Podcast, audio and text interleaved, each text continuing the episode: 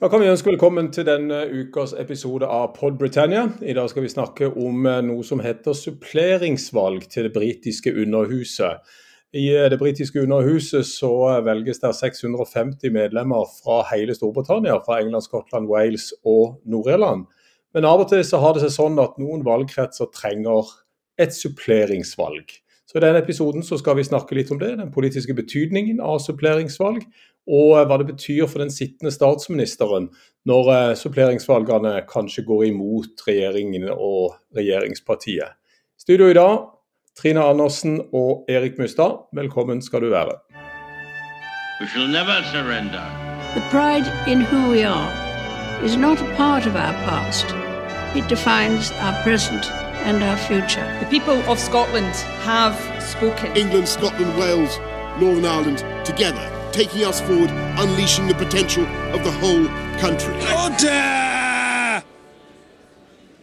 Ja, Erik, suppleringsvalg det er jo et litt, litt, vanskelig ord. Skal vi først bare forklare helt enkelt hva er et suppleringsvalg?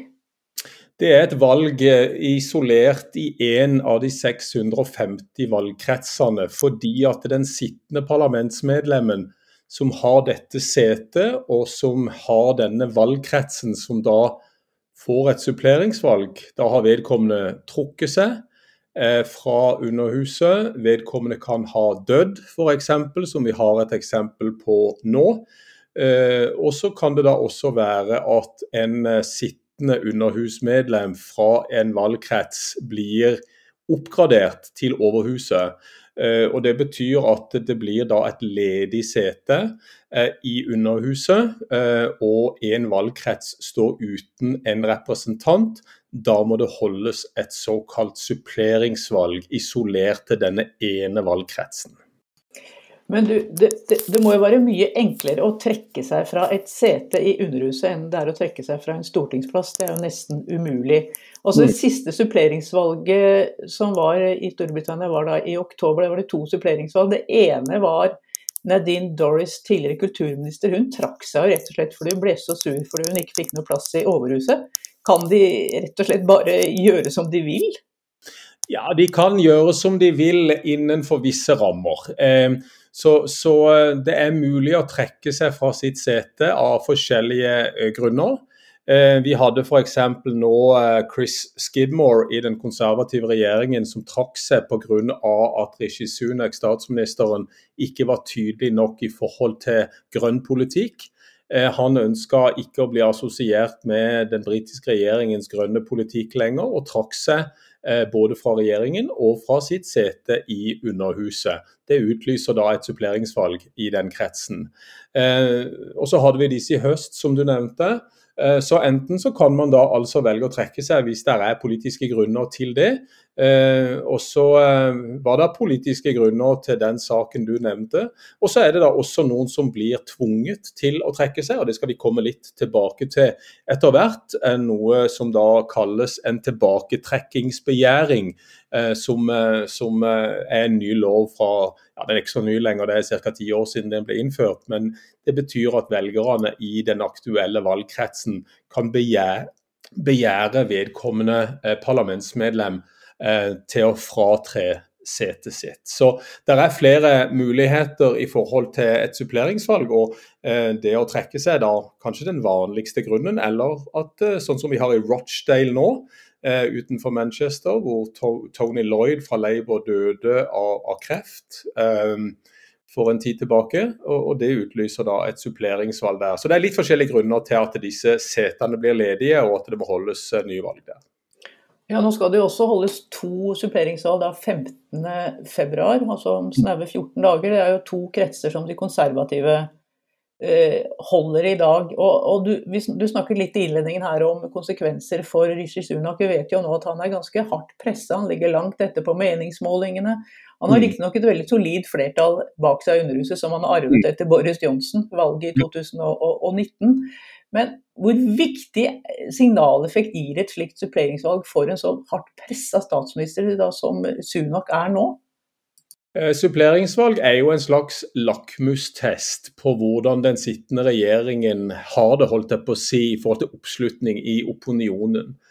Og nå har en solid flertall fra valget i 2019, så det er ikke noe fare for at han skal gå i, i, minus, holdt jeg på å si, og miste flertallet sitt i Underhuset. Det gjorde de facto John Major i 1997. Eh, I januar-februar så tapte John Major såpass mange suppleringsvalg eh, i uh, Underhuset at han var avhengig av Ulster-unionistene fra Nord-Irland for å kunne styre. Uh, Tony Blair, som da var leder for opposisjonen Labour på det tidspunktet, pressa ikke frem et nyvalg. Rett og slett fordi at han visste at eh, John Majors dager var talte. Så, så derfor så ble, ble, det ikke utløst noe nyvalg pga.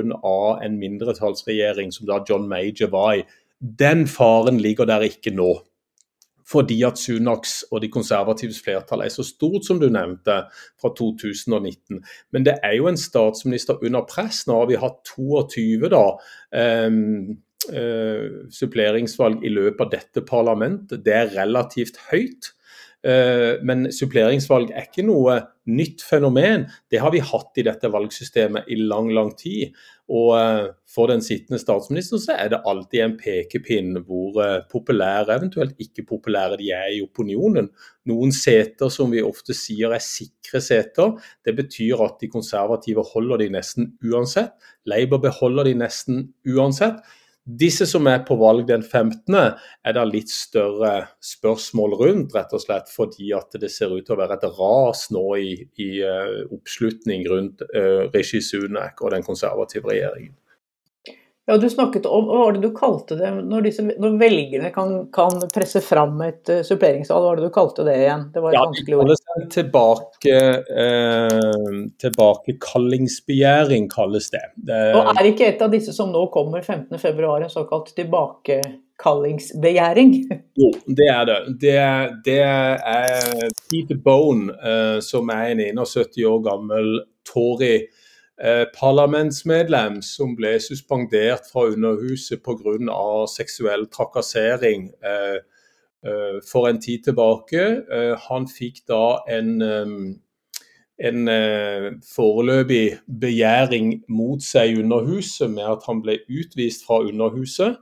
Og Når du da blir utvist under, fra Underhuset basert på din etiske eller moralske oppførsel, Eh, slik det kommer fram eh, i de retningslinjene som ligger for god skikk og bruk, moral og etikk blant parlamentsmedlemmene, så har faktisk velgerne i den aktuelle valgkretsen mulighet til å tvinge frem et suppleringsvalg ved at 10% av velgerne i den aktuelle valgkretsen undertegner en tilbakekallingsbegjæring. Eh, og i dette tilfellet her, da, i Wellingborough, som er Peter Bones valgkrets som ligger litt sørøst for Birmingham i Northamptonshire, så var det 13,2% som eh, signerte denne tilbakekallingsbegjæringen. Som gjorde at eh, man var nødt til å skrive ut et suppleringsvalg i denne valgkretsen. Peter Bone nekter å ha brutt de ministerielle kodene for oppførsel i Underhuset. Han ble likevel suspendert i seks uker fra Underhuset. Eh, og dermed så utløser da denne muligheten for å eh, undertegne denne eh, begjæringen om et suppleringsvalg. Det ble da gjort, og dermed så ble det holdt et suppleringsvalg der nå 15.2. mot Peter Bones vilje. Han trekker seg fra alt. Han er ikke en aktuell kandidat for de konservative i Wellingborough når vi da kommer til suppleringsvalgsdatoen 15.2. Dette er litt vanskelig å forstå, men, men, her er det altså en mekanisme som velgerne i den aktuelle valgkretsen har muligheter til å eh, benytte seg av. De trykker på en slags knapp som gjør at det utløses et demokratisk suppleringsvalg. Men er det ikke slik at det er samboeren hans som faktisk nå stiller som konservativ kandidat i den samme kretsen? Jo, eh, så er det jo blitt sånn, da. Og, det, og, dette her er jo en lang historie som vi ikke skal ta tid til å gå inn i nå. Eh, men eh, dette, dette, det er riktig som du sier, at det er samboeren som da stiller for de konservative her.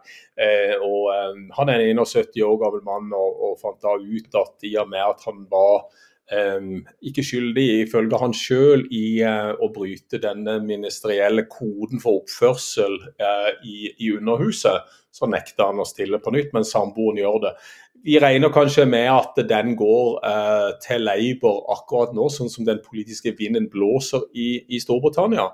Eh, så vi får se da om, eh, om, det blir noe mer eh, snakk om dette. Men dette er altså en mulighet med denne begjæringen som da velgerne i aktuelle valgkretser har, hvis man da bryter de ministerielle kodene i Underhuset. Disse kodene, det er en lang protokoll med etiketter. Den ble oppdatert nå 1.3.2023.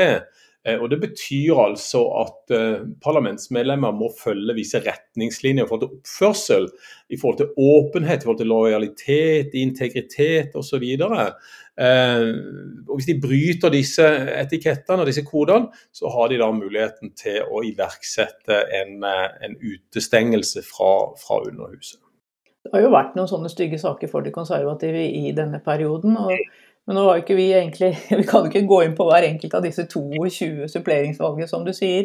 Men jeg har sett litt på tallene, og det er faktisk altså 22 høres jo veldig mye ut for oss. Men i perioden 2010-2015, da David Cameron var statsminister, de konservative det også, så var det altså 21 suppleringsvalg.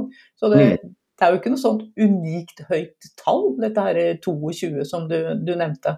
Nei da, eh, de, de, ligger Det er litt eh, opp og ned i forhold til hva som selvfølgelig skjer. Dødsfall kan vi aldri gardere oss mot. Det, det er ofte da at eh, dødsfallene selvfølgelig er blant eldre parlamentsmedlemmer som har sittet i parlamentet lenge, eller i Underhuset lenge. Tony Lloyd, som døde av, av kreft nå, i, i Rochdale, som er en nokså sikker Labour-krets som vi regner med Labour kommer til å beholde den 29.2 når den kommer opp igjen. Eh, så, så, er det da de konservative som har den eh, eh høyeste alderssammensetningen i Underhuset. Så det, det, betyr at eh, veldig ofte så er det konservative kretser som, som får disse suppleringsvalgene når det er død inne i bildet.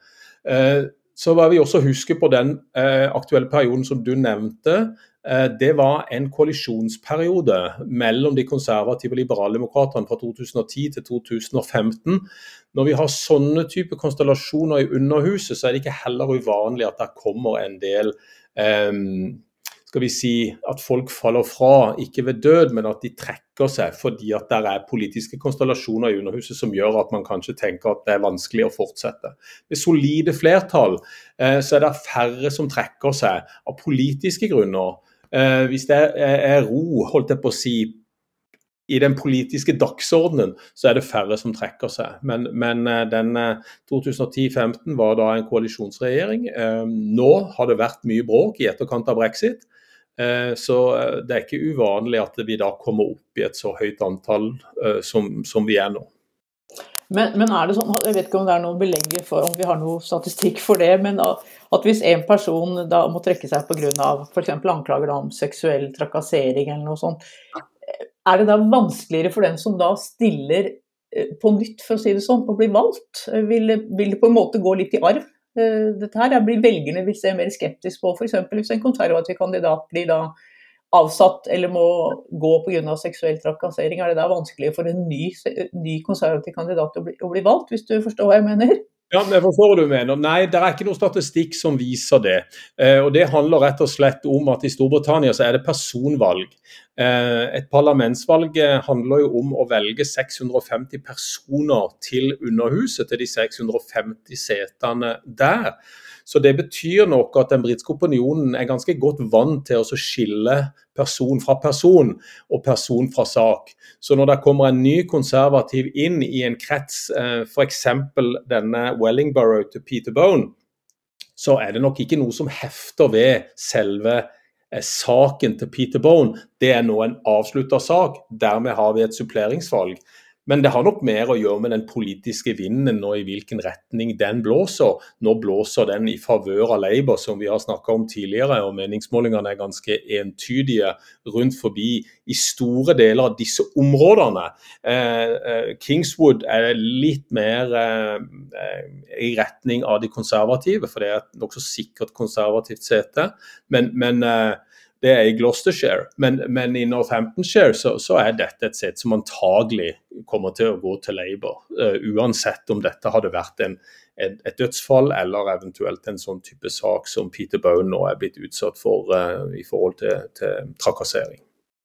Men du Selv om vi sier nå at uh, Sunak har jo et, arvet et, en, et solid flertall etter valget i 2019 så han kan på en måte, for å si det sånn, tåle å tape en del seter.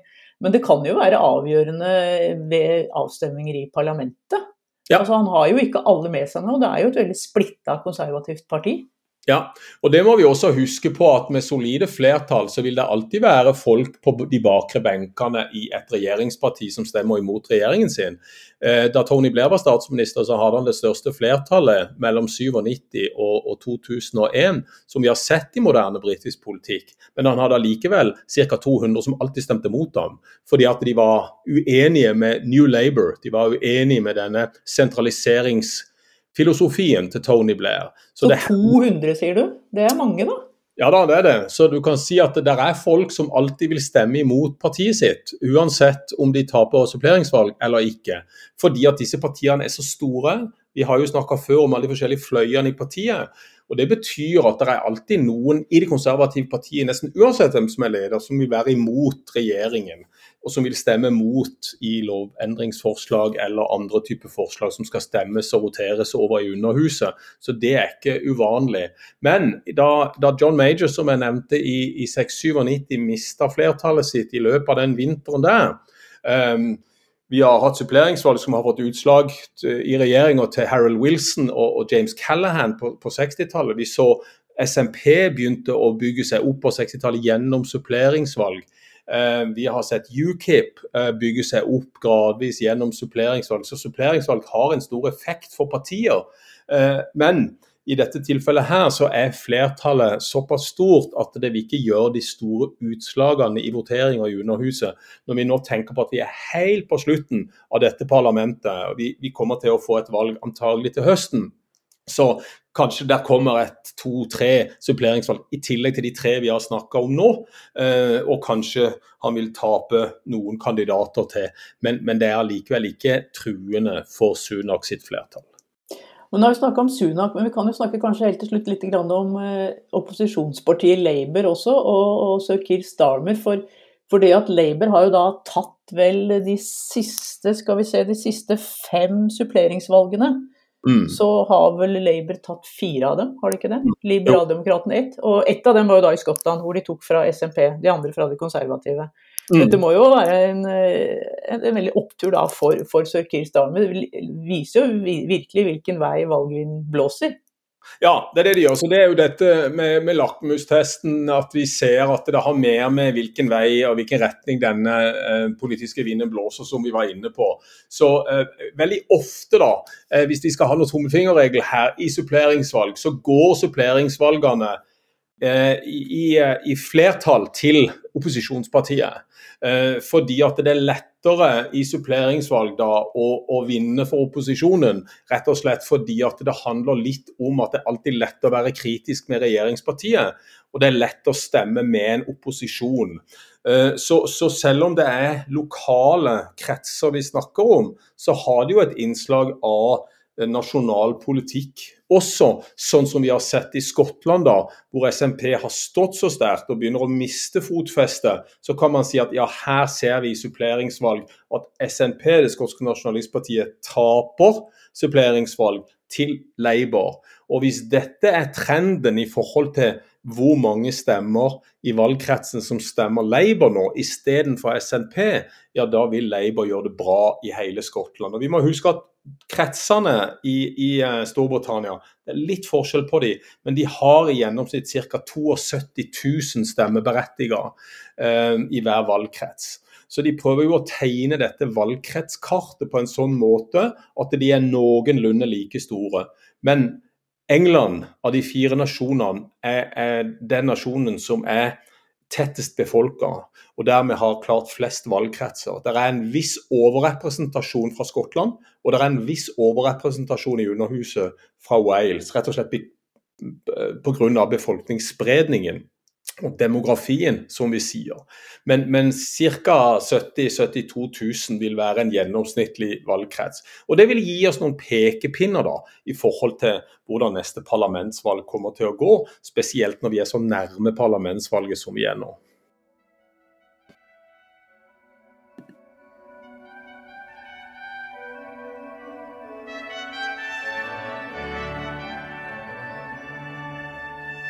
We shall never surrender. The pride in who we are is not a part of our past. It defines our present and our future. The people of Scotland have spoken. England, Scotland, Wales, Northern Ireland, together, taking us forward, unleashing the potential of the whole country. Order!